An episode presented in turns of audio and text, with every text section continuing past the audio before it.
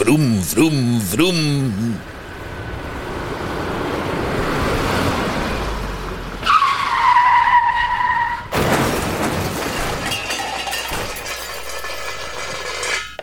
Dames en heren, jongens en meisjes, welkom bij aflevering 113 van de Nade Jongens podcast met Bas Paternotte en Jan Dijkgraaf. En we doen vandaag, Bas, een asielspecial.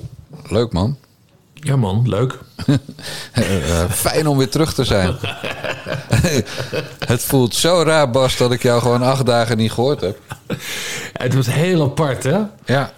Dat, dat, echt, het, ik voelde me ook vervreemd. Ik heb naar buiten zitten staren op, op, op, de, op de dinsdag, op de zondag. Drie Er vergaderingen gemist. Er was wekelijks. met Bassie, er Nee. gebeurde niks gewoon. Nee. Gewoon, normaal hebben we, drie, hebben we voor elke podcast een, een vergadering.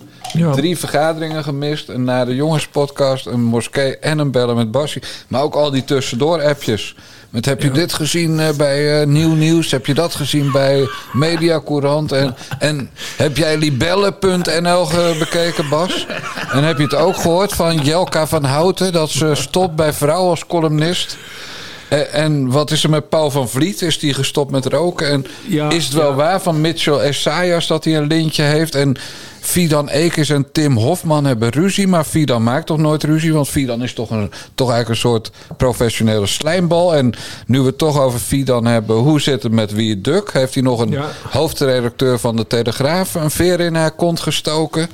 En, en, en die ambtenaren van Hugo de Jonge die hebben gecensureerd. En, en Kaag die niet bezuinigt, maar de koers wijzigt. De vader van Saskia Noord die Jantje Roos in elkaar mapt. De agent die Jouke bijna door zijn kop schoot wordt vervolgd. Censuur van, dat, van zo'n D66-miepje in het Europees Parlement. En dan wordt het 9 mei ook nog Europe Day. Ja, ja, man, ja. man, man. We hebben... Waar Wat hebben wij- knipselmap eh, gekocht? Wie heeft dit allemaal voor je bijgehouden? Nou, in alle eerlijkheid, Bas. Ik heb gewoon elke dag eventjes het nieuws gevolgd. En ik had een lijstje gemaakt van allemaal dingen. Ja. En eh, eh, ja, dan denk ik van... Nou, als ik nou deze week er wel was geweest... waren dat allemaal leuke onderwerpjes geweest. Ja, ja, ja. maar ja, ja, niet dus. Dus toen kwam ik gisteravond laat thuis... en ik stuurde jou deze lijst toe. Want hij kwam jou wel enigszins bekend voor, denk ik. Ja. Toen zei ik... Bas, welke gezellige entertainment onderwerpen gaan we doen? Ja. Is er nog iets met Dion en Mia? Eh, Is er nog iets? Nou, Gordon natuurlijk, altijd. Maar toen zei hij, ja, Dijkgraaf, we gaan het over asiel hebben. Nou, eerst even dit.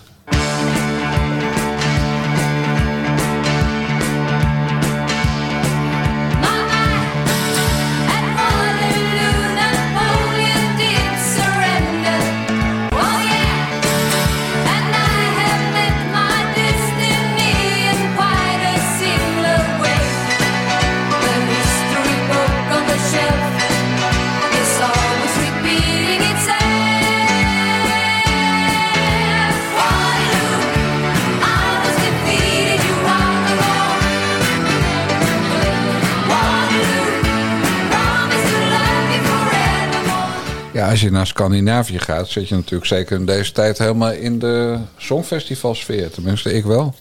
Ja, dit is, eh, dit is natuurlijk een hartstikke leuk liedje weer voor onze lieve luistervrienden. Ja, dit is, eh, opge- dit is opgenomen en, uit en gezongen twee jaar voor Bas Paternotte werd geboren.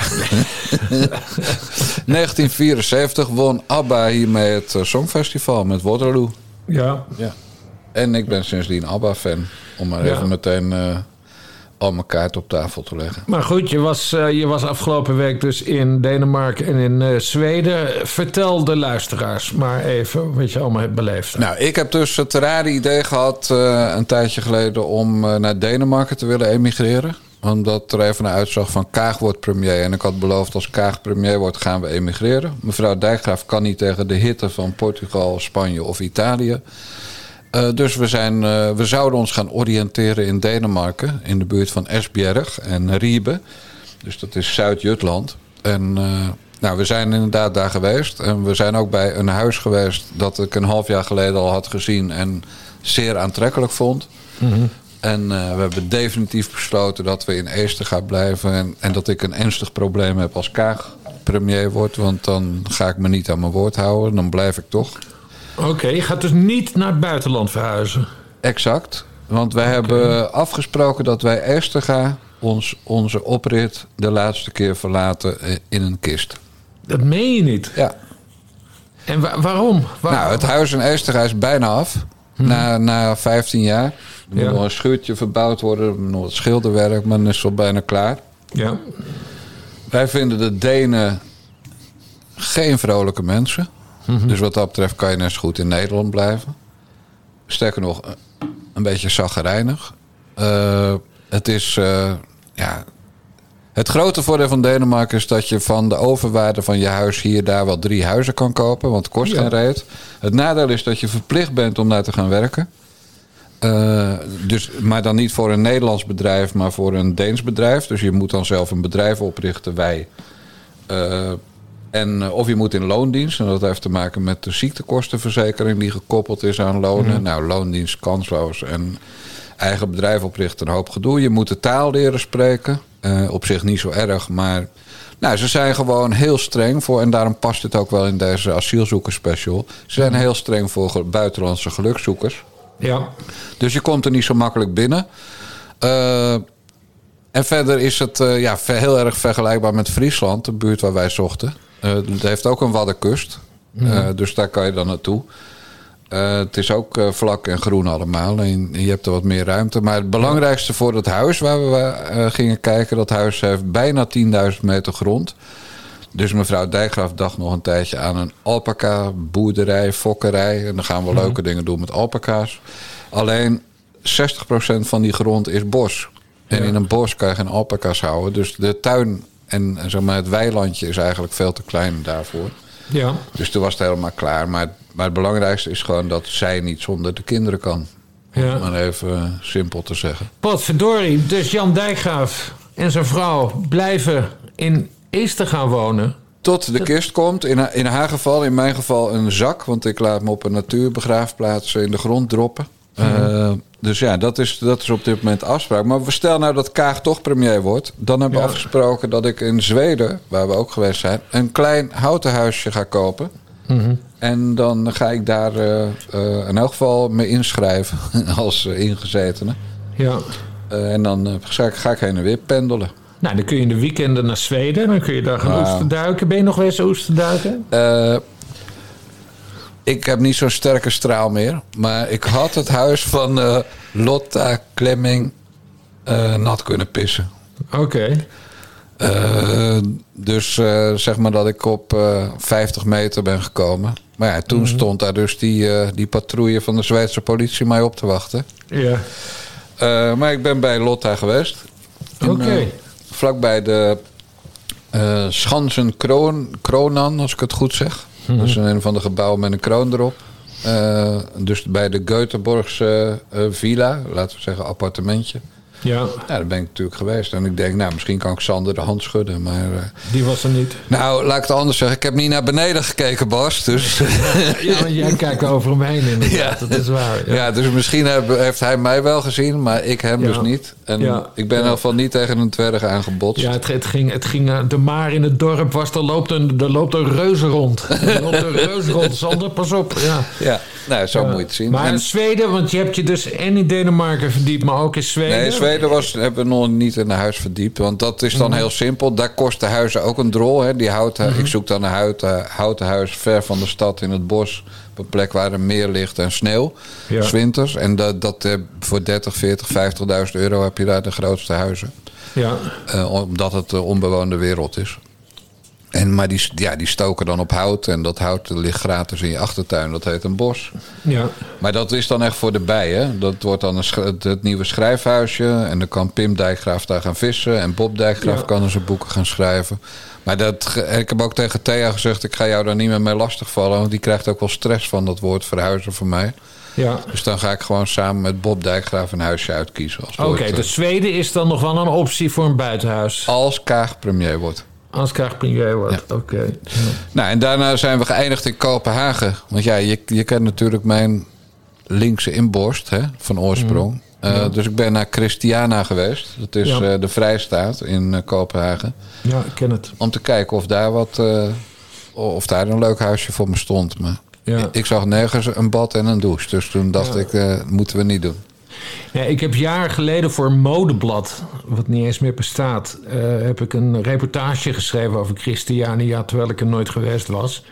Maar eh, dat, is de, dat is dus de bak, bakfietsenhoofdstad van de wereld, wist je dat? Ja, ja. Ze maken daar bakfietsen, die, die, eh, dus met name in Nederland, maar die over heel de wereld verkocht, verkocht worden. En het is een oud krakersdorp of zo, met allemaal kunstenaars en drugsgebruik.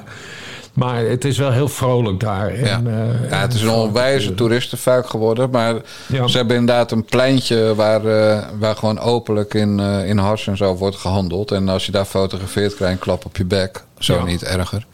Ja, En eh, ik had er nog even met zo'n armbandjesverkoper. Want je kent me Bas, met zo'n armbandjesverkoper staan praten. En Ja. die zei ook van, nou, er wordt hier een partij gejat. Dus die man had geen personeel. Omdat het personeel zijn winst afroomde via een greep in de kas.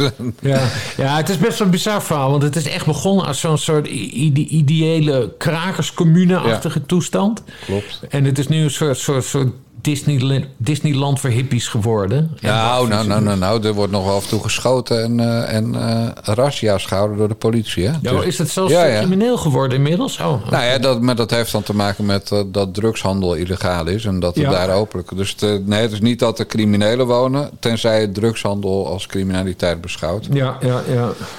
Dus nee, dat was eh, leuk. En toen zijn we gisteren weer naar huis gekomen met karren. Ja, Lekker man, 170 op de snelweg, een stukje in Duitsland.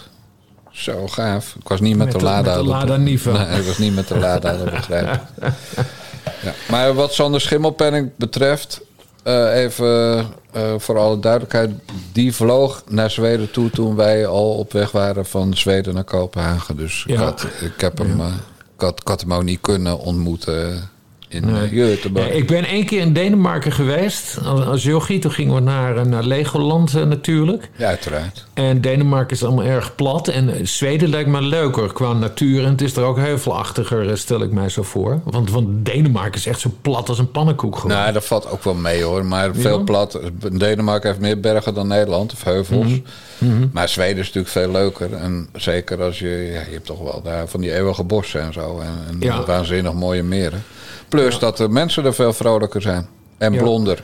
Ik hou niet van blond, jij ook niet. Maar, eh, maar de blonde vrouwen zijn daar eh, duizend keer talrijker dan in eh, Denemarken. En het eten in Denemarken is ook zeer matig, als ik eerlijk ben. Ja, ja, ja, ja. Nog even over blonde vrouwen gesproken, want dat miste ik nog even in je jaaroverzicht. En ook, of in je jaaroverzicht, in je weekoverzicht.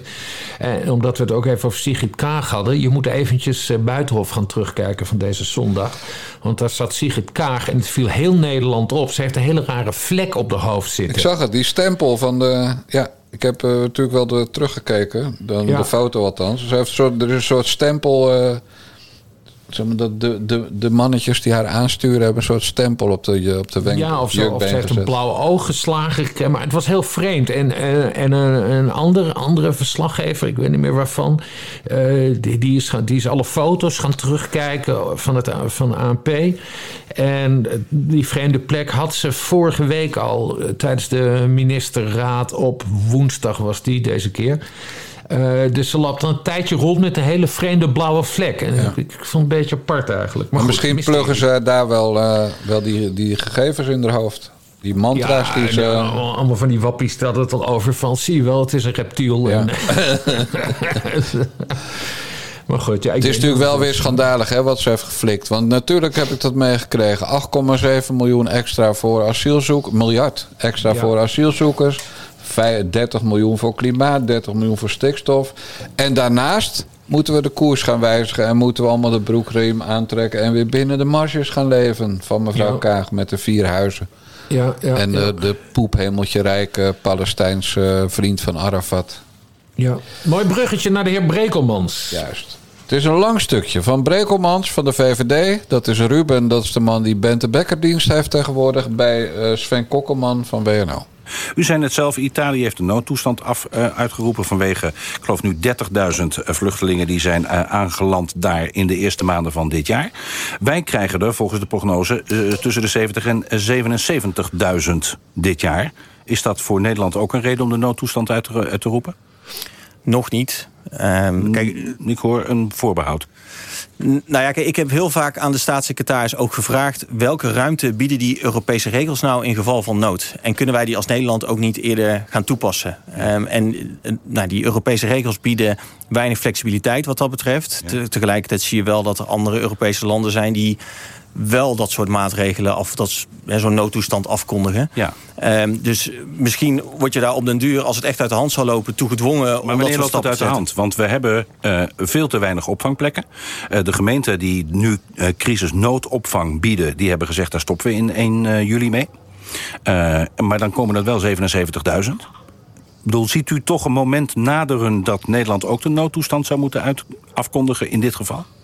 Nou, kijk, als het lukt om wel die internationale afspraken te maken of daar iets tegen te doen. Kijk, we hebben onlangs bijvoorbeeld de Servië-route is gesloten. Hè? Dat was ook zo'n route waarop asielzoekers hier naartoe kwamen. Als het lukt om die Tunesië-route, om die in ieder geval voor een deel af te knijpen. Eh, en dat kan via een migratiedeal, kan ook door strengere grensbewaking. Waar de Europese Unie nu eh, eerste eh, afspraken en Frontex-afspraken met Tunesië over maakt.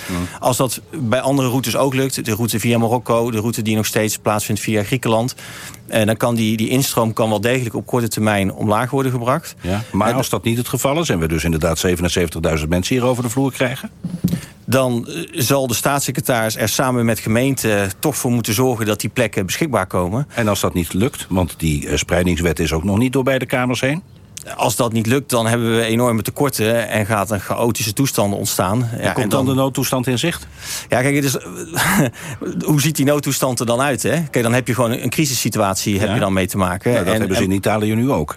Ja, precies. Alleen kijk, het is niet zo dat die noodtoestand... dat dat er dan nu toe leidt dat de grenzen in Italië volledig gesloten zijn. Kijk, met die noodtoestand, het was ook vooral een soort van symbolische maatregel... richting de Europese Unie om te laten zien... dit is wat er aan de hand is. Mhm. Het is ook een manier geweest om eh, sneller migranten te kunnen terugsturen... en om meer geld vrij te maken voor crisisnoodopvang. Mhm. Nou, dat hebben wij in Nederland al. Ehm, maar ik vind wel dat ja, als het compleet uit de hand loopt... Ja, dan zul je ook moeten kijken naar welke ruimte bieden Europese regels. Bijvoorbeeld om eh, in Nederland om de grenzen nog strenger te bewaken. Het is alleen in Nederland. Grenzen dicht. Nou ja, grenzen, dat kan praktisch in Nederland bijna niet. In het EU-land Denemarken moest Jan Keurig eh, bij de grens even stoppen. Ja, ja, ja, maar erg die Brekelmans. Hè. Je, je, je, je voelt hem gewoon zweten. Want, want het is. Die Brekelmans met, met zijn sieverthuidje. Hij heeft zo'n sieverthuidje. Hij Ja. heeft geen baardhaar. Die heeft altijd een grote mond. Hè, van ja, we moeten optreden. en We moeten dit en we moeten dat. En. eh, nou ja, het is zijn staatssecretaris Erik van den Burg. die hiervoor voor verantwoordelijk is. Hè? En Sven Kokkelman die heeft dat heel mooi door. Want die zegt van nou, dan roepen we toch een noodtoestand uit. Of nou, dan gaan we toch de grens dicht doen. Of de grens controleren. En ja, je ziet, joh, je ruikt hem gewoon. Je ruikt zijn angstzweet. Want hij kan helemaal niks, die Brekelmans. Nee. En voor eh, Van den Burg zat trouwens eh, Ankie Broekers-Knoller. En daarvoor eh, eh, Klaas Dijkhoff. Ja, ja, Kortom, het is al 100 jaar VVD-portefeuille. En al is, 100 eh, jaar is een eh, puinbende. Ja, ja. Maar kan ik je nog sterker vertellen? Het wordt alleen maar erger, heb jij mij in eh, onze vergadering vanochtend verteld. Meer, meer, meer. Nou ja, dat, dat was dus het, het, het- het nieuws van afgelopen week. Dat, dat er gewoon een nakende asielcrisis is. Eh, dat, dat er, dat er 70.000 asielzoekers bijkomen. Eh, en in- 77.000. En in, in, in eh, 2025 97.000 bedden zijn er dan nodig. Nou, dat is, eh, dat is twee keer drachten, man. Maar, Ja, eh, bij onze vrienden van Geen Stijl is het nu van Lelystad gepromoveerd naar Leeuwarden. Ja, nou, kijk eens aan. Kijk eens aan. Dus nee, dat, is, dat, zijn, dat zijn absurde aantallen. Maar het is niet dat dit nieuws is. Hè. Het is niet dat, dat dit hun is overkomen. Eh, er wordt, sinds vorig jaar wordt er al eh, vanuit het COA zelf... Hè, NRC wist daar de hand op te eh, leggen... wordt er al gewaarschuwd voor, voor, voor deze asielcrisis die er, die er aankomt.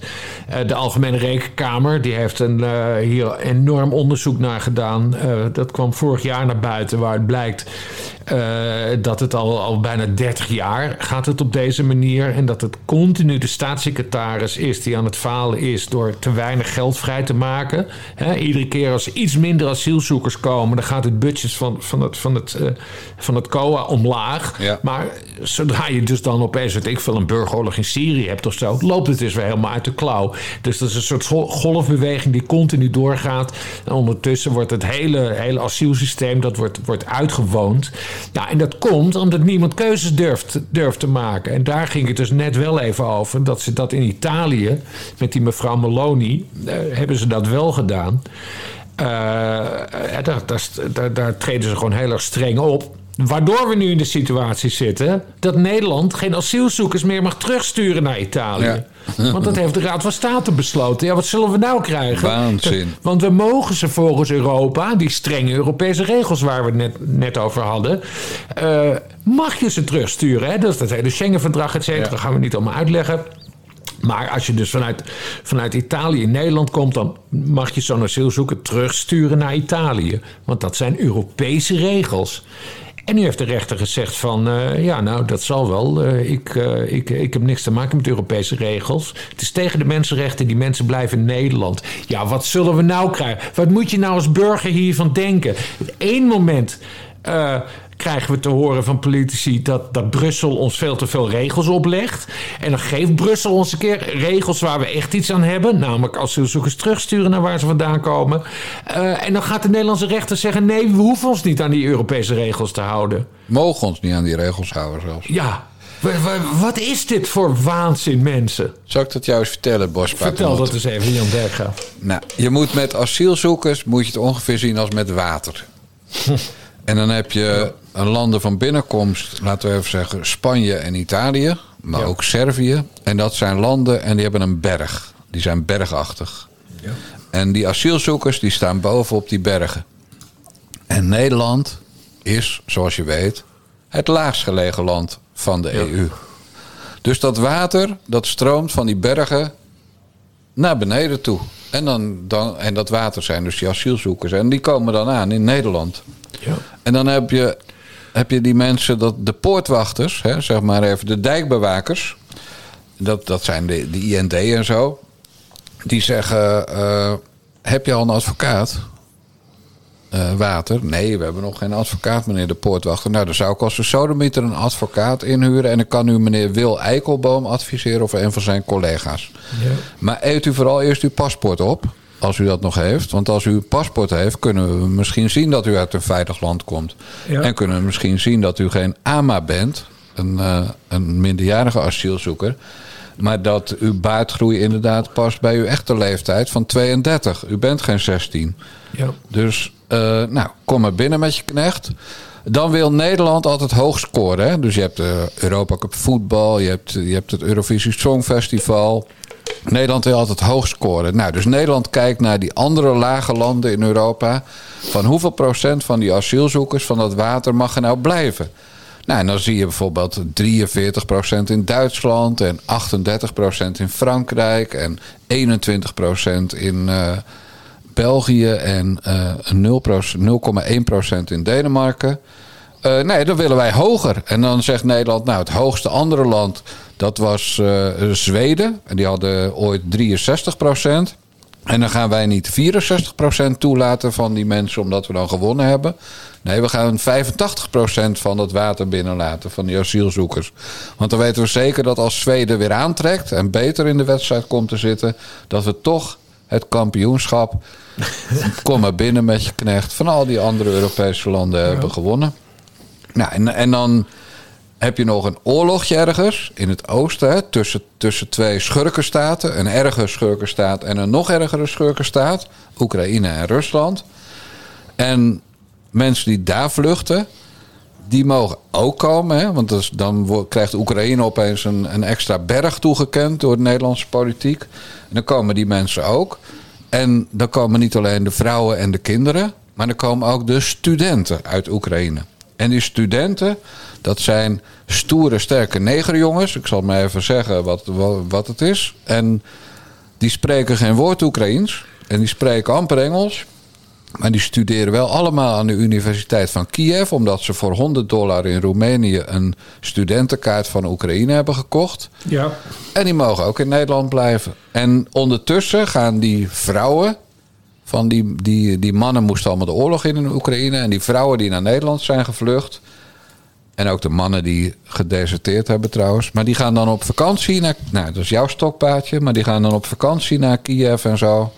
En daarna komen ze weer terug naar Nederland. Ja, en, en ja. Nederland zegt dan in Brussel. We are the champions. Ja, ja.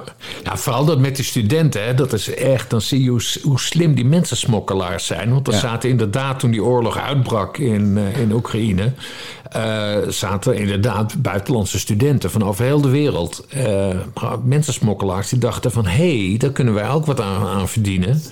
Eh, want je kan iedereen, van iedereen dan wel zeggen dat hij daar studeerde. En daar zullen ongetwijfeld ook do- documenten voor gemaakt zijn. En opeens had je dus ook allemaal studenten uit Oekraïne... Ja. die dan uit Oeganda kwamen, bij wijze van spreken, weet ik veel.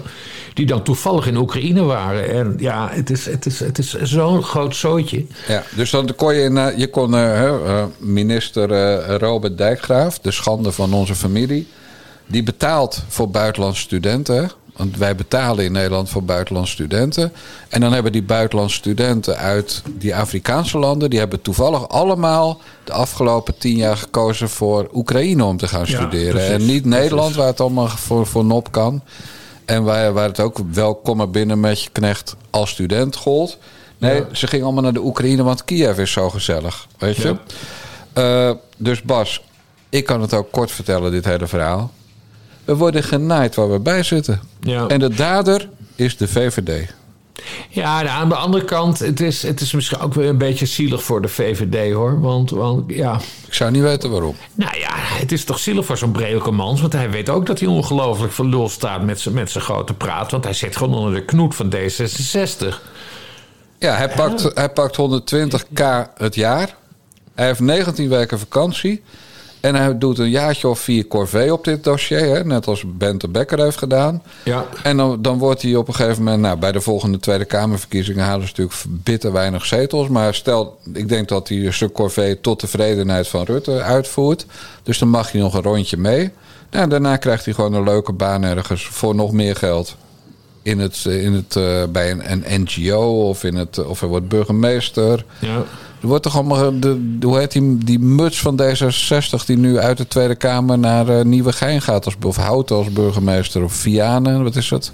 Ja, ja Voor- Nieuwegein. Ja. Nieuwegein, nou, ja, ma- maakt niet uit, maar in elk geval drie jaar in de... Metropool, iets ten zuiden van Utrecht, Ja. schreef iemand vandaag in de krant. Ja, heb ik ook gezien. maar, maar die is dus minder dan drie jaar Kamerlid. Die ziet de volgende ronde ziet, ziet ze het misgaan. En die wordt burgemeester in Nieuwegein. Die gaat dus Nieuwegein verzieken. Ja. En dan jouw neefje schijnt dan... Oh, ik denk dat we zelfs een stuk hebben gelezen. Het was Britse humor van jouw neefje... dat hij zei dat ze een aanwinst voor die stad zou zijn. Ja, Zeg, ja. Zegt dat je ja? Wouter de Winter heeft het Oh geschreven in de Telegraaf. Die hebben we gelezen inderdaad. Ja, nou, dus- precies, precies. Dus dat was dan cynische humor van jouw neefje. Want hij bedoelt eigenlijk, we hadden er geen fuck aan in de Tweede Kamerfractie. Blij dat ze opgehoepeld is. Want nu komt Sidney Smees nog eerder terug in de Kamer. Ja, ja, Ja, dat is. Oh, hoe zit het? Dat heb ik gemist. Hoe zit het met Sidney Smees? Heeft hij nog rechtszaken aangespannen, gewonnen, verloren? Nee, helemaal geen ontwikkeling. Iedereen houdt zijn adem in. En waarschijnlijk Sydney zelf ook. Je hebt nou toch weer niet goed opgelet, Bas Paternotte. Nee, nee, maar dat, Sander dat, van Dam. Dat, dat Sydney... Ja, nee, die Sander van Dam... Dat is een nieuwe. Ja, oké, dat is een nieuwe. Nee, ik denk eerder dat Sydney ook eh, heeft zitten wachten. Want die wist van, ja, Dijkgraaf die zit in Denemarken en Zweden. Eh, zo kan ik Dijkgraaf niet uit de tent lokken. Want hij hoopt natuurlijk dat jij of ik ons een keer verspreken of zo. Dat, we dan, eh, dat hij onze proces aan de broek kan doen. De nare Ja. jongens. Dus eh, nee, die, die, heeft zich, die heeft zich op een mindere god gegooid. En dat is inderdaad die Sander van Dam met zijn met z'n- met z'n- met z'n- met z'n vier luikjes en drie luikjes Ja. en twee luikjes. Sander van Dam wordt, wordt vervolgd door het Openbaar Ministerie. omdat Sidney Smees aangifte heeft gedaan van het feit dat Sander van Dam hem meerdere keren groomer heeft genoemd. Ja. En in mijn, ik, weet- ik weet, ik zit niet in die hoek, hè, dat weet je. Ik ben gewoon een saaie oude man. Maar in mijn belevenis is een groomer iemand die mensen eh, ja, eigenlijk gewoon versiert.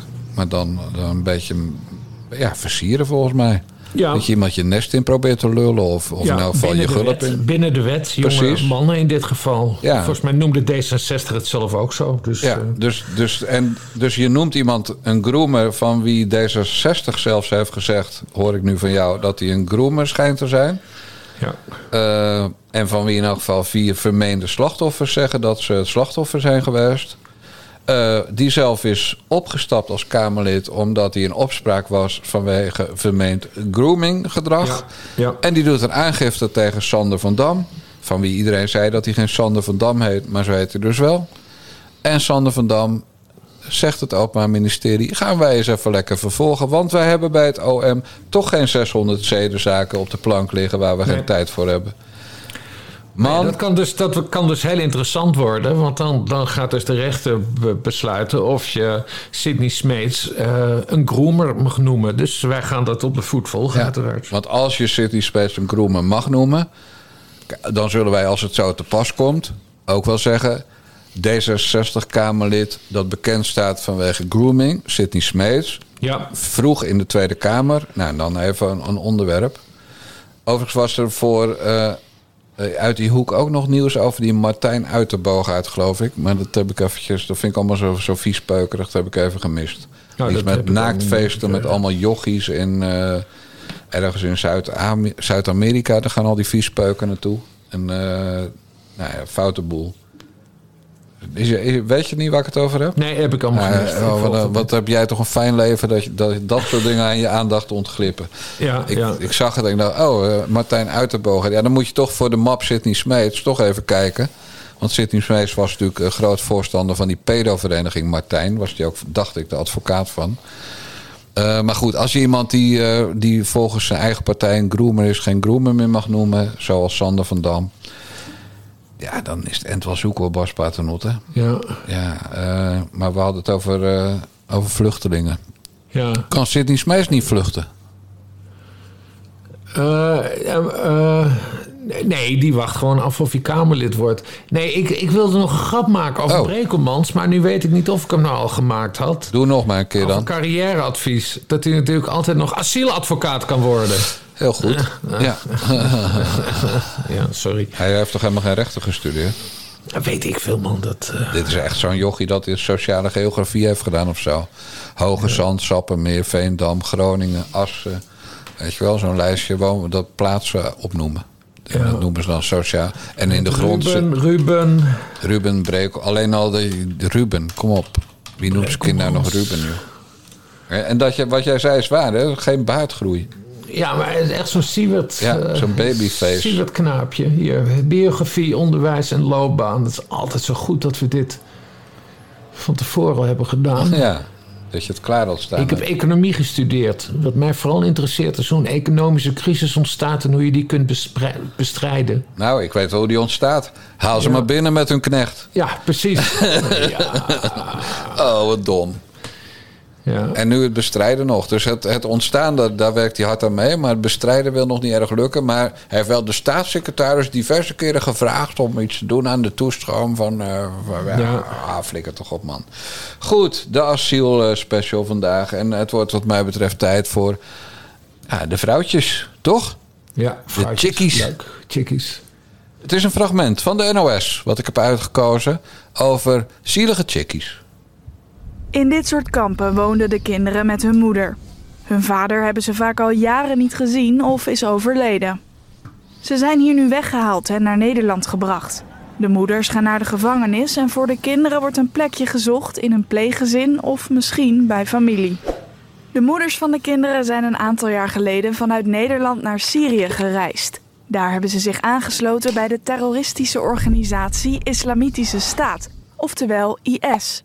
Sommige vrouwen namen hun kinderen mee of hebben daar kinderen gekregen. IS wilde zijn eigen land en om dat te krijgen gebruikte de organisatie veel geweld. Ze pleegde aanslagen en vermoorde mensen. Drie jaar geleden werd IS in Syrië verslagen. Veel van de terroristen zijn dood, gevlucht of gevangen. Mensen die bij IS hoorden werden in kampen geplaatst. Ook de Nederlandse vrouwen en kinderen. De situatie is daar erg slecht. Er is veel geweld, kinderen zijn vaak ziek en gaan niet naar school. Mirjam Levy is de advocaat van een van de moeders. Daar was het echt heel, heel, heel moeilijk. Ze hadden hè, slechte medische zorg, kan niet zomaar naar de dokter toe. Maar ook in die tenten, eh, warm weer, 40 graden in de zomer, heel koud in de winter. Daarom wilden de vrouwen terug naar Nederland. Ook al moeten ze hier voor de rechter komen en moeten ze meteen de gevangenis in, omdat ze bij IS hebben gezeten. De rechter kijkt of de vrouwen strafbare dingen hebben gedaan bij IS, bijvoorbeeld geweld gebruikt. De kinderen hoeven natuurlijk niet de gevangenis in. Ze kunnen moeder wel zien. Eh, ze mogen eh, vaak eh, wel op bezoek bij hun moeder in de gevangenis. Dat kan dan, nu is de regel één keer in de zes weken. Ze krijgen wel elke week de kans om met moeder te skypen. Dus ze kunnen dan wel altijd via een video hun moeder even zien. Het leven van de kinderen verandert dus enorm en veel van hen hebben last van de dingen die ze in Syrië hebben meegemaakt. Ook zijn kinderen die beschoten zijn, ja, die echt hebben moeten schuilen voor, voor aanvallen.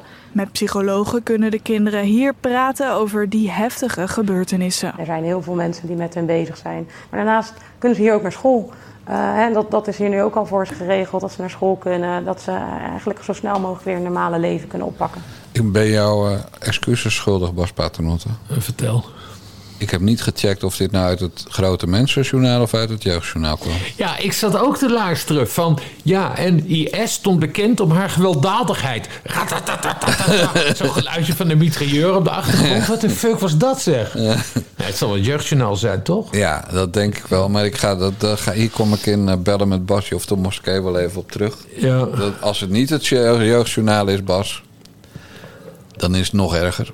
Nou, het is ook bizar. De ene, ene, enige bron eh, die werd geïnterviewd... dat, is de advocaat van een van die Ja. plofkippen. Een van die teruggekeerde eh ISIS-weduwe-moeders. Nee, want dat is natuurlijk ons eigen onderwerp. Maar, maar wat, stel nou dat, dat je kind bent van eh, 12 en je kijkt naar het jeugdjournaal en je hoort dit.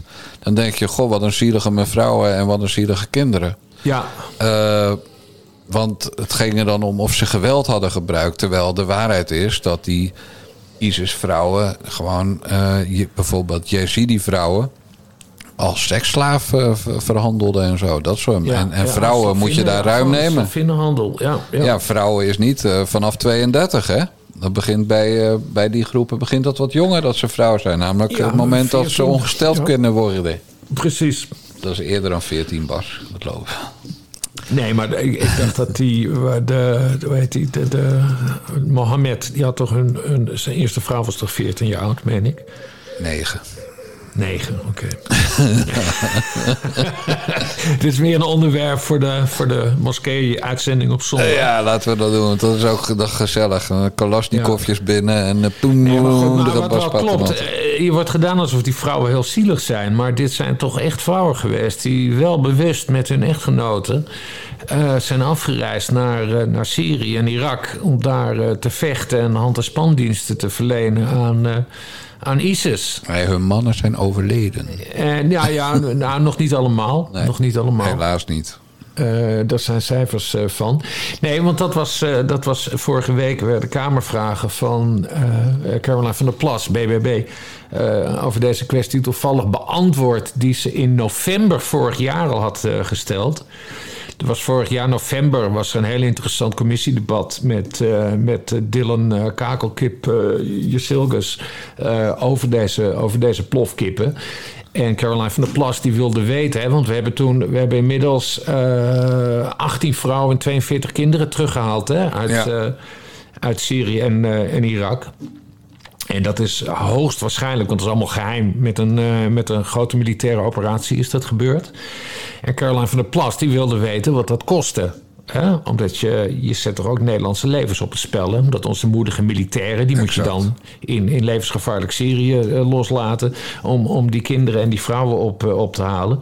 Maar de minister wilde daar dus helemaal niks over kwijt. Eh, in België heb je trouwens dezelfde kwestie gehad. Hè. De Belgen hebben ook eh, van die ISIS-vrouwen en kinderen teruggehaald. Eh, maar daar zijn, waren toen ook kamervragen over. Die zijn wel beantwoord. En dat ging om veel minder. En dat was één operatie, maar die kostte alleen al 1,1 miljoen euro. Nou, dit gaat dan over 18 vrouwen en 42 kinderen. Dus dat zal ettelijke miljoenen gekost hebben. Ja. Hoe dan ook, tijdens dat debat, nu maanden geleden in november, had Caroline van der Plas ook gevraagd van, nou ja, als, u- mij niet wilt zeggen hoeveel dat gekost heeft, kunt u mij dan wel vertellen wat, wat het verder kost, de bijkomende kosten van, van dat terughalen van die, van die kinderen en die vrouwen? En dat blijkt dus in de miljoenen eh, per jaar te lopen. 12 miljoen euro om precies eh, te zijn. Want die vrouwen die worden allemaal opgesloten op de terrorismeafdelingen in, eh in Vught, Zwolle en Rotterdam. En die, worden, die zijn nu geloof ik allemaal gecentreerd in Vught. Dus dan heb je al die vrouwen bij elkaar op de terrorismeafdeling. En zo'n zo'n vrouw kost 635 euro per dag Ja. om die daar vast te houden. Dus ik, die vragen zijn beantwoord, maar die stonden, het stond niet uitgerekend helemaal. Dus dat heb ik gedaan. Eh, dat is dan 2,3 ton eh, per vrouw per jaar. Jezus Christus. En uiteindelijk betekent dus dat je alleen al voor die vrouwen in detentie... dus 4 miljoen euro per jaar kwijt bent. Ja. Nou, verder worden ze dan nog vervolgd en dergelijke. Dat kost ook geld, maar dat gaat mee in de, in de, in de reguliere begroting. Dus dat, dat heeft je Silkos niet gespecificeerd. Maar dan heb je dus nog die 42 kinderen. Ja. Eh, die, die, die worden door een psychische mallenmolen gehaald. Eh, die worden opgevangen, die worden geobserveerd. Er komt de jeugdbescherming bij kijken. Eh, en dat heeft tot nu toe 8 miljoen euro gekost. Dus die hele grap van het terughalen van die vrouwen en kinderen... dus los van een militaire operatie die geheim is verklaard... heeft tot nu toe al 12 miljoen euro gekost. Nou, Ja. ik, vind dat, ik vind dat nogal al wat. En waarom? Nou, dat is ook heel simpel waarom dat allemaal nodig is. Als ze niet binnen een bepaalde termijn in Nederland voor de rechter komen, dan kunnen ze niet meer veroordeeld worden of niet meer berecht worden in Nederland. Dus ze doen dit allemaal omdat die vrouwen dan hier berecht kunnen worden. En als ze dan berecht worden, dan krijgen ze in principe ongeveer anderhalf jaar gevangenisstraf. Wat meestal gelijk staat aan het voorarrest wat, waar ze in hebben gezeten. Ja. Want er is namelijk niet te bewijzen dat Marietje Hoofddoek eh, een Yazidi-vrouw heeft verhandeld als seksslaaf. Of, mm, of eh, Hendrika Hoofddoek. Ja. Dat, dat is niet te bewijzen. Want het enige wat je kan bewijzen is dat ze er vandaan komen. Want je kent ze niet in die burka. Precies, Ja. het zijn gewoon postbussen die je ziet. Met, Ja. met ogen. Maar bovendien, Oh, er, is, er is eh, brievenbussen. Er is ook geen beeld van dat ze al die dingen doen die ze doen. Dus zij zeggen gewoon: ja, maar ik, ik, ik wist helemaal niet dat mijn, mijn mijn man daar eh, gekke dingen ging doen. En ik heb alleen maar gekookt voor de hele club. En ik heb het huis schoongehouden. En ik heb drie kinderen van hem gebaard. eh, waar ze dan wel tijd voor hadden. Dus het zijn allemaal huishoudsters geweest. Ja. Eh, die helemaal niks verkeerd hebben gedaan. En als er al een vrouw iets verkeerd heeft gedaan, laten we zeggen iemand vermoord of iemand verhandeld. Of eh, met een bomgordel eh, eh, op transport gezeten. Dan, dan is het altijd een andere vrouw geweest. En Ja. dus die straffen die zijn. En dat is ook weer terecht in ons systeem. Het is geen artikel 131 VVD criminele organisatie. Dus je moet iemand wel berechten voor wat je kan bewijzen dat hij gedaan heeft. Nou, ze Ja. kunnen geen flikker bewijzen. Dus dan al die kosten worden gemaakt om die mensen dan een jaar, anderhalf jaar in de cel te zetten. En wat erger is, daarna gaan ze, lopen ze lekker de poort uit, waar ze dan ook zitten. En dan zeggen ze, ik wil uitkering. Of ik wil een uitkering, want het zijn ook vaak vrouwen van Nederlandse afkomst die, eh, die aangesloten zijn bij de Ja. islam en eh, geradicaliseerd. Bekeerlingen, lingen. Precies, de gevaarlijkste zijn dat. Hè? Ja. Eh, dus dan, daarna heb je gewoon al die wijven weer in Nederland. En, hun, en dan mogen hun kinderen ook gewoon weer bij ze op termijn natuurlijk. Want zielig, zielig, zielig als ze steeds naar gastgezinnen moeten. Of ze worden nu al ondergebracht bij familie. En die zijn natuurlijk allemaal helemaal niet geradicaliseerd. Hè. Het is altijd maar die eenling geweest. Ja, en dan zijn ze zo vrij als een vogeltje om hier hun ding te doen. En Ja. we kennen nog van die, dat soort types... die bijvoorbeeld Geert Wilders wilden omleggen. Ja. Hè? Ik noem geen namen, maar ze heet Soumaya Sala. Ja, ja.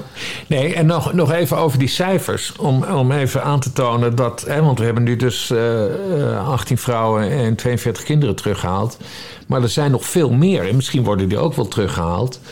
Eh, ik, ik, ik noem even de cijfers op, want de AIVD houdt dit bij sinds 2012. Sinds 2012 zijn er 300 personen met jihadistische intenties, zoals dat heet, uitgereisd naar Syrië en Irak. En een derde van hen is vrouw. Dus dat zijn zeg maar 100 vrouwen. Ja, moet je kijken, man. Nou, inmiddels eh, eh, zijn er nog 100 van over. Dus de rest is eh, gesneuveld. Of Ja. overleden omdat ze niet goed aten. Of weet, weet ik veel. Eh, dus je hebt er nu nog 100 zitten in Syrië, Irak en Turkije. Eh, en een deel van hun zit in, in die, van, die, van die Syrische kampen. Hè? Eh, of in Turkije of in Syrië, waar, waar, ja, waar ze allemaal worden opgevangen en dan worden, worden teruggehaald. Eh, en daar zitten dus ook nog eens 150 kinderen bij. Ja, jezus man. Dus, dus het gaat over 250 Nederlandse terroristen en hun kinderen... die mogelijkerwijs nog naar Nederland kunnen worden teruggehaald. Ja, bizar. Echt. Bizar, hè? Ja, niet normaal. Ik vind dat we gewoon dicht die grens. Oh nee, dat, dat mag niet, hè? Nee, dat mag niet. Nee, dat mag Maar dus kijk, wel. En aan Dat- de andere kant vraag ik me wel af... ja, het is natuurlijk wel lullig voor die, voor die, voor die, voor die kinderen natuurlijk. Ja, dat is absoluut waar. Eh, dat is al, dat, maar dat geldt ook voor de kinderen in overstromingsgebieden. En in, Mhm. en in gebieden waar eh, mensen van minder dan een dollar per dag moeten leven. En dat, geldt, dat is gewoon pech dat je daar geboren bent. Maar laten we even eerlijk zijn. Eh, ze hebben voor minstens 50% eh, terroristische genen. Ja.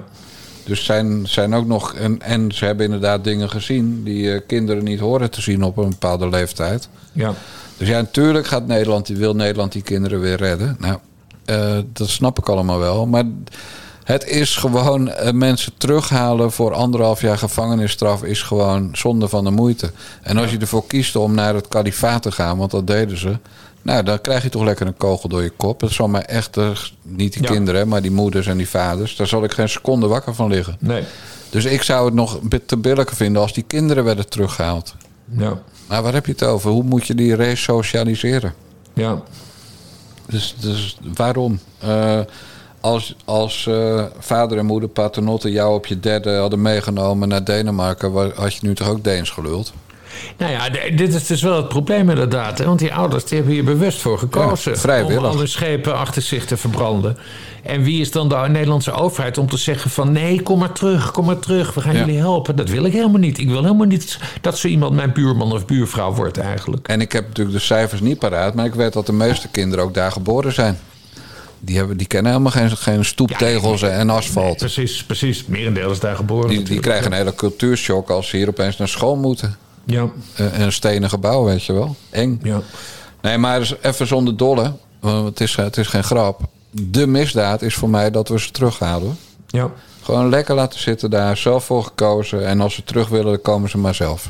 ja. Pakken ze gewoon de trein en de bus Ja. en de boot. En, da, en, da, en dat, is dan, dat is dan het argument van die wat linkserige types. Die zeggen van ja, maar dan komen ze terug en dan gaan ze hier aanslagen plegen. Ja, dat, als ze dat van plan zijn, dan gaan ze dat ook doen nadat ze bericht Ja, zijn hoor. Wat zullen we nou krijgen? Dat sterker nog, dan zijn ze nog kwaaier dat ze vast hebben gezeten. Ja, precies. Voor 635 euro per dag. Dat is wel op zich een mooi bedrag. Kun je aardig in een aardige hotelkamer voor boeken in Nederland, denk ik. Ja, absoluut. absoluut. Godskeleren, man. Nou, Bas, ik ben blij dat je me bijpraat. Maar, maar je zei dat je ook nog één onderwerp had... wat echt een hele lange lijst zou worden. Ja.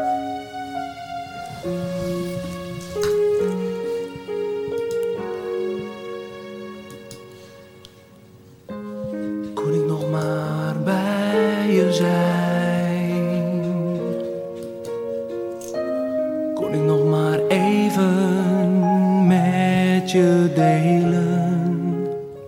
Make Gordon great again. Feitje. Zolang het er maar is. Nou, ik was dus acht dagen weg. Is er nog iets gebeurd met Gordon? Ja, nou, ik heb, ik heb een dagboekje bijgehouden. ik zal het er even bij pakken. Even zien. Jij was nog in Holland toen we hoorden dat het uit was met Gavin. Dat heb jij als het goed is meegekregen. Zeker. En jij bent op, even kijken, hoor, vijf- dinsdag 25 april blader ik naartoe. Want dat was de eerste keer dat we geen podcast hadden. Dus toen was je al een paar dagen in Denemarken en Zweden. 25 april. Jan weg, ik mis hem erg. Ik ga naar buiten. Vroeg naar bed gegaan. Oké, dan gaan we verder. Eh, Hou het zakelijk. Ja, eh, woensdag. Nee, ja, hier. Volgende. Ik ga, ik ga nu gewoon al die dagen Ja, goed, voorlezen wat ik heb opgeschreven. Ik ga even pissen. Henny Huisman leeft niet mee met Gordon. Moe van die gozer. Smerige opmerking van Henny. Privé pakt uit. Ex-verloofde Gordon zegt alles in schokkend interview. Ja, nou ja, echt. Ik, ik, had, het al, ik had het al gezegd. Die Santegoed, die heeft, die heeft kwaad in de zin. Volgende dag. René van der Gijp. Aram Bade neemt Gordon-drama te serieus. Aantekening van mijzelf. Opzoeken wie Aram Bade is. Volgende ho, dag. ho, ho, Gordon reageert doldwaas op interview Gavin. Laag bij de grond. Uitroepteken van mij. Hartje, hartje, hartje. Eh, even zien, dag later. Gordon gaat los in een lang statement. Evert Santegoed is stuk stront. Hé, hey, die kennen we. Zet hem op, Gordon. Zet hem op, heb ik erbij geschreven. Eh Yvonne Koldewijder heeft zich zwaar vergist in Gordon. Het is tijd voor rehab. Nou ja, rehab, rehab eh, schrijf ik daarbij. Eh, gewoon retraite. Waarom gaat Gordon niet even in retraite? Daar heb ik hele goede ervaringen mee. Even kijken, dan ga ik verder. Volgende dag. Ja, weer. René van der Gijp stellig. Gordon is niet goed, is een borderliner. Tussen haakjes opgezocht wie Aram Bade is. En niet opgeschreven wie het is, want ik ben het alweer vergeten. Wereldgozer van RTL Boulevard is ja, dat. Ja, ja, ja. Eh, dag later. Gordon ligt overhoop met John de Mol. Bewust op de strafbank. Ja, en daar was ik dus al bang voor. Dat ze nu gaan ze weer uitmelken. Eh, Gordon is dus, heeft, heeft, heeft eh, John de Mol begin, deze, begin vorige maand een, een nieuwe uitdaging geboden. Hè? Door zonder Gordon verder te gaan. en, nu pro- en nu proberen de media, de mainstream media, proberen ervan te maken dat, dat, dat, dat Gordon ruzies met John de Mol zou hebben. Wat natuurlijk helemaal nergens op, eh, nergens op slaat. 28 april, zelfmoordbrief. Oh god. Ja, en Gordon heeft dus een briefje geschreven waarin hij vijf BN'ers noemde eh, eh, die hem heel erg hebben, hebben dwars gezeten. Ja, daar sta jij niet bij. Daar sta ik niet bij. Nee, absoluut niet. nee. Maar is het gelukt? Nee, eh, want Gordon, Gordon leeft natuurlijk Oh. nog. Ja, ja. Eh, en dan, nou, echt, er gebeurt er zoveel. Ik ga, ik ga het niet allemaal voorlezen. Maar dan komen we bij het Formule 1 weekend. Eh, Gordon, eh, na Koningsdag, met Prins Bernard Jr. naar Baku. Oh, waarom- met Prins Bernhard junior? Is die ook Ja, homo in, dan? in, een privé, in een privévliegtuig naar Baku gevlogen. Nou, dat vond ik wel weer heel erg sympathiek. Van, Dus hij heeft een nieuwe vriend. Ja, nou, ik vond het sympathiek van de prins dat hij Gordon toch onder zijn hoede heeft genomen. Helemaal zo. ook omdat eh, Gordon, eh, hè, Gordon heeft het er zichtbaar moeilijk mee gehad. Hè. Dat zei hij ook op, eh, op Instagram. Van ja, jongens, ik, hè, toen hij terugvloog, dat, daar hebben we, dit, dat hebben we nog besproken. Je was toen nog in het land. Dat hij die foto maakte vanuit het vliegtuig in Dubai. Van nou, ik ga terug naar Nederland en ik ga hem even rustig houden. Jullie horen voorlopig niet van mij. Nou ja, vervolgens krijgt hij al die rotzooi over zich heen. Hè, dus van de René van der Gijp, van, van, die, van die Arambaden. Eh ja, Gordon boos natuurlijk. Dus Ja, ik snap tuurlijk. het wel. Dus Gordon die is toen weer naar Instagram eh, gegaan. Om toch even te zeggen wat hij ervan vindt. Hè? En, en, en, en die Eversante goed is een stuk stront en dergelijke. Dus zo ver hebben ze Gordon gepusht gewoon. Dat hij toch weer tegen zijn zin eigenlijk eh, weer naar Instagram moest. En nu heeft hij zijn Insta dus verwijderd inmiddels. Eh, vind ik Vandaag wel goed dus. hoor. Laat ze, maar, eh, laat ze maar in een sop gaar koken. Gordon die gaat gewoon eventjes niet Instagrammen. En hij kiest, eh, hij kiest wel zijn eigen moment. Dus nee, dat, eh, het is een hele zware periode voor Gordon. Maar hij slaat zich er manmoedig doorheen, vind ik. Ja, maar waar het dus op neerkomt is dat die Gavin een golddigger was, of niet? Toch? Of... Ja, nee, maar kijk, we weten inmiddels dat Gordon een hele, eh, een hele aardige, aardige vent is die, die mensen graag wil helpen. En, en die Kevin, die heeft, eh, die Kevin Rosario, is mijn indruk, die heeft daar gewoon misbruik van gemaakt. En op de, met die goede tierendheid van, van misschien wel een van de beste volkszangers die we ooit hebben gehad, namelijk Gordon Heukerot, heeft hij daar toch misbruik van, eh, van gemaakt. En hij heeft dus hele goede banden met Evert Santegoed. Dat blijkt uit alles. Niet? Bedoel je? Nee, die, die, Oh, die Gavin. die Gavin. Ja, zo bedoel je het, ja. Ja, Evert Sandergoed, die, die lijkt wel de... eh, hoe noem je dat? De, de megafoon van, eh, van, van, van, van die... eh, van die Gavin, ja. ja. Toestanden, hè? Weet je wat, wat op het puntje van mijn tong ligt? Nou, Jammer dat het niet gelukt is. Maar ik durf dat niet te zeggen. nee, dat moet Ik wil niet op Mediacourant komen dat, dat, dat jij zo je best doet om Gordon Gray te maken dit jaar. Ja. Wa- waarvan mijn bescheiden mening is dat het nog niet hard lukt. Nee. En dat ik hem dan een, eh, een schop nageef. Want hij heeft mij ook al een keer een strontkar genoemd. Ja, Jan, Jan Dijk gaf dubbele punt. Jammer dat Gordon geen zelfmoord heeft gepleegd. Ja, dat zijn niet de koppen die je wilt zien natuurlijk. Nee, dat wil ik zeker niet zien. Nee, want nee. want eh, dan wordt het wel heel stil opeens eh, rond het non-nieuws van iemand die in 1983 voor het eerst en voor het laatst een, eh, een soort hit had. Ja, Eh, en, en ja, eigenlijk Bas, zo'n week weg hè. Dit is wel het beste dat je dit dus allemaal mist. Gewoon dat hele Gordon gedoe. Van, ja. kijk, ik heb namelijk altijd gedacht van dat. de- ik, ik las ook nog iets van dat dat die. Dat, dat die Gavin had gezegd dat Gordon hem alles in scène zette. Dus hij was zogenaamd, was hij door die Gavin ten huwelijk gevraagd. Maar dat moest van, eh, van Gordon. Ja. En Gordon had gezegd, we hebben elkaar ontmoet in het casino. Dat is ook wel waar. Maar daarvoor hadden ze al op zo'n zo'n app, Grindr, Grindr. Grinder, Grinder. Ja, Ja. hadden ze... Voor LinkedIn voor homoseksuelen is dat. Oh, zoiets, ja. ja. Ja. Ik zoek een nieuwe uitdaging. Ja. maar, eh, maar ja, het lijkt er meer op, Bas. Ik ik wil, ik wil Gordon dus niet beledigen, begrijp me goed. Maar het lijkt, er, het lijkt er meer op dat hij gewoon één keer seks heeft gehad met een gast. Dat hij toen zijn verloving, verloving en huwelijk heeft aangekondigd. En dat die gast toch na drie keer dacht, nou, die psoriasis gaat helemaal niet weg. Nee. Het is gewoon een teringleier qua karakter. Het is gewoon een, een- een oude man die niks meer presteert. Het Ja. is iemand zonder contract bij John de Mol. Ja. Die Gavin heeft gewoon een beetje zitten googlen... en door Google Translate gehaald... wat er in Nederland al over Gordon werd gezegd... door de vijanden van Gordon. En daar hoor jij dus niet bij, hè? Voor de duidelijkheid. En dat hij dacht van, ja... Het is gewoon een kansloze bejaarde met allemaal, allemaal kwalen. En nou heb ik het nog niet eens over zijn reuma. En dat als hij overal, als hij ergens komt, dat hij altijd wordt, over, wordt aangereden, zoals toen in Griekenland. En dat hij wordt Ja. overvallen en dan in, in zijn blote Jodokus de straat op wordt gejaagd. Door jongens die hem die die heeft ingehuurd en die hem dan hebben vastgebonden om hem te beroven. En hem daarna hebben losgemaakt. Ja. Eh, eh, en ja, eh, gewoon. Het is gewoon. ja, die Ga- Gavin had voor Gordon een man van 72, geloof ik. Maar er zat nog meer leven en toekomst in dan in Ja. die hele Gordon Heukenrood. Dat, dat is een beetje is- mijn er indruk, Bas. Er, er is een podcast die ik nog moet luisteren, maar die is, ik weet niet eens wie me gemaakt heeft. Maar Gordon heeft dus met iemand een podcast opgenomen. Eh, kort voordat deze hele affaire begon. En, en daar, daarin stelt hij zichzelf de vraag: ik een narcist of coke junk? Ik vind dat hele pijnlijke beschuldigingen. zegt hij dan.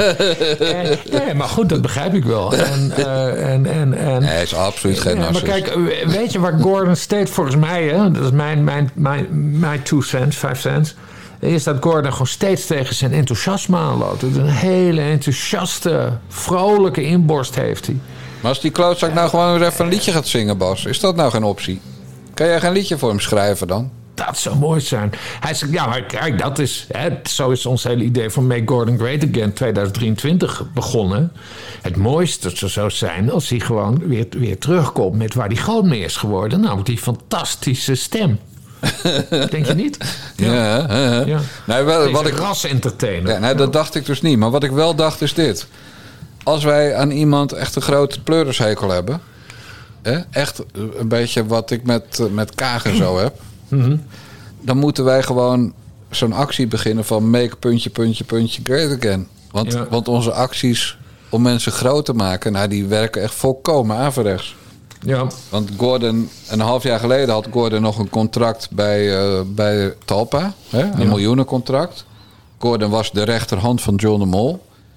Gordon had nog een heel leven met allemaal mannen voor zich. ja. Hij moest eh, de liefde van zijn leven nog tegengekomen, maar die zou eraan komen. Nou, jij begint je actie. ja. En hij wil zelfmoord plegen. En hij laat al, heeft al een brief geschreven. En van die brief hè, vraag ik me dan toch af, Bas... hoeveel keer stond het woord ik daarin? ja. Hoeveel mensen heeft hij weer helemaal de tyfus gescholden? Ja. En wat heeft het voor zin om Angela de Jong en dat soort mensen de tyfus te schelden... als je toch niet meer kan lezen hoe ze erop reageren? ja. Dus die hele zelfmoordbrief was natuurlijk ook weer fake. Hij was Ja. helemaal niet van plan om dat te doen, maar hij wilde weer aandacht hebben daarmee. ja. En eh, Dus, dus als deze actie afgelopen is, Make Gordon Great Again... en hij ligt helemaal definitief in de goot, voor altijd... dan wil ik volgend jaar doen Make Kaag Great Make Again. Sigrid Kaag great again. Ja, daar heb ik zo'n zin in. En dan ga ik dan allemaal positieve dingen over uitroepen. Ja, Zoals, ja, ze had een mooi stempel op de jukbeen. Ze kan heel goed eh, zeggen dat eh, als mensen aan de geelhonger moeten... dat dat niet aan de geelhonger is, maar koerswijziging. Ja, koerswijziging. Ja, Ja. Ze is ook de enige mens in Nederland die, die blindelings... die Mark Rutte zover krijgt dat hij de blindelings volgt. Ja. Dat, eh, dus als je van Rutte af wil als, als man die wat te zeggen heeft... Ja, zet Sigrid Kaag erop en hij doet precies iets anders. Hij doet wat Sigrid Kaag wil.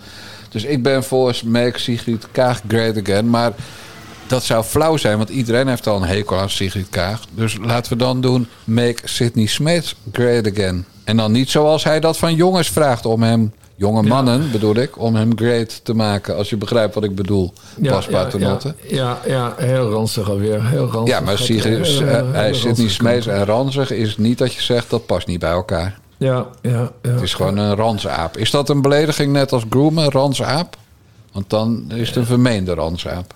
Ik zou, ik, ik, alles wat Sidney Smeets betreft, ik toch voor dat we er vermeend voor zetten. Dus Sidney Smeets is een vermeende ransaap. Ja, nou, daar heb je helemaal gelijk. in. Een, verm- een vermeende ransaap die wij volgend jaar great gaan maken, Bas Paternotte. Dan, En dan, dan komt hij uiteindelijk aan het eind van het jaar wel bij eh, Gordon in de, in, de, in de goot te great te liggen. Nou ja, het is, doen. het, is, het is wel interessant hoe dat gaat met Gordon. Want er zit dus, je ziet wel dat er een hele media-industrie omheen zit. Hè? Want ik volgde de entertainment- en rollenwereld nooit zo goed. Maar ja, omdat ik me nu verdiep in Gordon... Ken je ook Aram Paden? Eh, nou ja, ik, sinds kort weet ik dus wie Aram Bade is. Maar ja, echt alles, alles wat hij doet is nieuws gewoon. Elke scheet die hij laat is nieuws. En, maar het, dat werkt twee kanten op. Want het is, het is goed voor Gordon schijnbaar. En het, en het is goed voor de oplage van, van Evert Santegoeds. Eh, maar er moet een keer iemand breken, denk ik. Ja, nu moet het nog goed worden voor de oplage van de Naar de Jongens podcast. En vooral van, van, de, van de specials. Hè? Van de Bellen met Bassie eh, Ja, ja. podcast en van de Bassie en Jan Moskee podcast. Want hoe meer luisteraars we daar hebben, hoe meer donateurs we hebben via petjeaf.com. Weten we, weten we de eigenlijk nog waarom we Gordon Great wilden maken? Ik weet de aanleiding niet eens. Ja, hetzelfde reden als ik net noemde voor Sidney Smeets. Ja. We vinden Gordon gewoon allebei een ongelooflijke vieze engnek. En, en dan moet, is het te makkelijk om hem elke keer af te zeiken. Dus heb jij gezegd... Nee, maar de nee. specifieke aanleiding weet ik niet meer. Nee, Er maar gebeurt het zal, wel weer, een, zal weer een, een relatie zijn die aan of uit was. Of, Ja, eh, maar er gebeurt zoveel met die man. Dat is echt ongelooflijk. Ja. Misschien moet ik een boek over hem schrijven. nou, Als- zou ik niet doen. Je hebt Als een het boek. jaar is afgelopen, schrijf ik een boek hebt al een boek over hem Al mijn gekocht. ervaringen in de... In de Ja. ja. nee, daarom, maar dat kan beter. Maar goed, het meest bijzondere wat, wat je in jouw hele opsomming vind ik dat, dat die Prins Bernhard, die huisjesmelker, Ja. dat die met Gordon in een privévliegtuig naar de, de Formule 1 in, in fucking Baku gaat. Ja, Wat, wat is, eh, hoezo klimaat, weet je wel? Hè? Een privévliegtuig. ja. Mag niet van Extinction Rebellion. Maar dat iemand van, van die familie, van, van eh, onze moeder gevolgd Ja, en de moeder Vosten, dat iemand van die familie met die viespeuk in een privévliegtuig gaat zitten. ja. En, en ik neem aan dat ze nog een, een DJ meegenomen hadden ook. Ja, en maar dus een dag na, na, na Koningsdag, hè? En dan lekker met Ja. Gordon naar, naar Baku vliegen. Oké, dus, dus woensdag hebben we de zelfmoordbrief. Donderdag hebben we Koningsdag. En vrijdag vliegen ze naar Baku voor een feestje met Max Verstappen. Ja, maar zie je, er, iedere dag gebeurt wel iets met, Ja, met letterlijk. Gordon. Ja. Fascinerend gewoon. Ja, wat, want kijk, het is nu ja, zo rond eh, half twee hè, op woensdagmiddag. Maar je weet nooit wat er eh, eh, tijdens het opnemen het afgelopen uur gebeurd is. Nee, precies. Dus dat is gekmakend, man. Ik, ik kan, Precies. kunnen we niet gewoon stoppen met die actie van jou? Wil je echt nog door? Nou, we gaan in ieder geval stoppen met deze opname. Want ik, ik ben, ik ben gewoon zenuwachtig. Ik wil nu gaan kijken wat er met Gordon gebeurt. Nee, je moet gewoon naar het toilet. Je moet gewoon naar het toilet eh, bollen. nou, oké.